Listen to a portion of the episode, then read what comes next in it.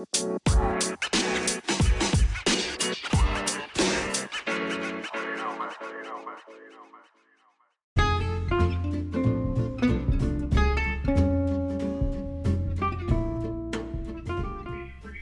selamat malam. Balik lagi di ruang dengar. Kali ini gue ada materi, ada yang bertanya juga, makanya gue bikinin materi. Jadi ada yang bertanya di Instagram itu, gimana sih tips jadi penyiar radio? Di sini gue bakal ngebagiin 5 tips buat kalian semua yang pengen atau suatu saat kalian punya kesempatan untuk jadi penyiar radio. Jadi siapin kopi kalian, teh manis, rokok jangan lupa, cemilan juga boleh sih. 5 tips ini tuh penting banget sih buat pemula ya. Gue juga pemula. Jadi langsung gue bacain. Yang pertama itu latihan berbicara. Latihan bicara dengan artikulasi yang jelas.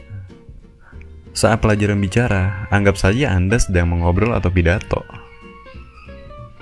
Atau bila mau seraya baca teks pun gak apa-apa Pastikan masing-masing kata yang Anda ucapkan jelas. Lalu tidak boleh berbicara terlampau cepat atau terlampau lambat. Buat mengevaluasi itu semua, kalian harus merekam suara kalian. Jadi kalian tuh nanti bisa dengar sendiri. Ini tuh terlalu cepat atau bahkan lambat. Kalau udah enak didengar, mungkin kalian bisa latihan lebih jauh lagi ya. Yang kedua itu ada Kontrol lafal dan ucapan. Terapkan hal-hal yang Anda latih dalam keseharian. Biasakanlah berkomunikasi dengan jelas. Misalnya, melafalkan ucapan-ucapan dengan benar dan mengontrol kecepatan bicara. Jadi emang susah banget ya syarat buat jadi penyiar radio itu. Karena kan di radio itu live dan lu tuh ya mungkin ada salah kata satu pun. Cuma gimana caranya tuh kalian biar nutupin kata-kata yang salah itu. Dan itu harus pinter banget sih.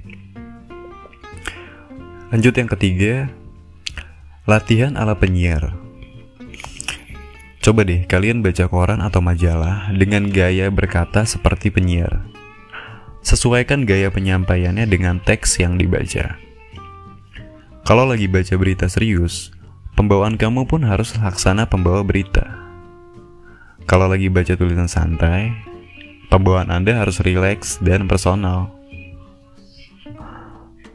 Bagi siaran yang bergaya santai, kamu dapat berbicara seraya tersenyum agar intonasi Anda ikut tersiar rileks.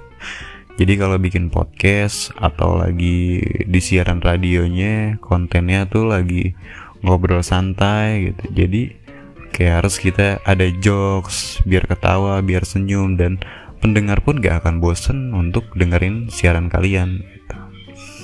masuk yang keempat yang keempat itu perluas wawasan kalian di samping paham info-info terkini pengetahuan umum seorang penyiar pun mesti luas lagi pula penyiar tidak jarang membahas sekian banyak macam hal Wawasan bisa kamu dapat dari berbagai sumber.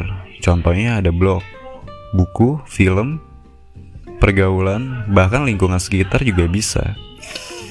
Yang penting Anda harus proaktif guna memperkaya wawasan. Jadi wawasan lo tuh gak cuma di situ-situ aja. Semakin banyak wawasan, semakin banyak yang lo bahas, nah di situ akan menjadi apa? Akan menjadikan konten yang menarik dan enak didengar. Jadi orang itu gak cepat bosan. Dan yang kelima, terakhir, latihan pembawaan diri. Latihan ini bertujuan untuk mengajar gestur dan ekspresi kamu. Khususnya bila kamu ingin menjadi MC. Lebih afdol lagi kalau latihannya direkam. Jadi kamu bisa lihat gestur tubuh kalian mana tuh, bagian mana tuh yang wah gue nggak harus kayak gini nih, harusnya gue seperti ini gitu. Emang susah banget sih kalau jadi MC karena kan harus tampil banget di depan orang banyak gitu. Uh, public speakingnya juga harus diasah lagi gitu. Karena kalau jadi penyiar radio atau jadi podcaster gitu kan itu cuma modal ngomong doang sih. Kalian mukanya nggak kelihatan jadi bisa santai gitu loh. Oke jadi segitu aja materi yang gue bagiin kali ini. Semoga aja bermanfaat buat kita semua. Semangat terus dan selamat beristirahat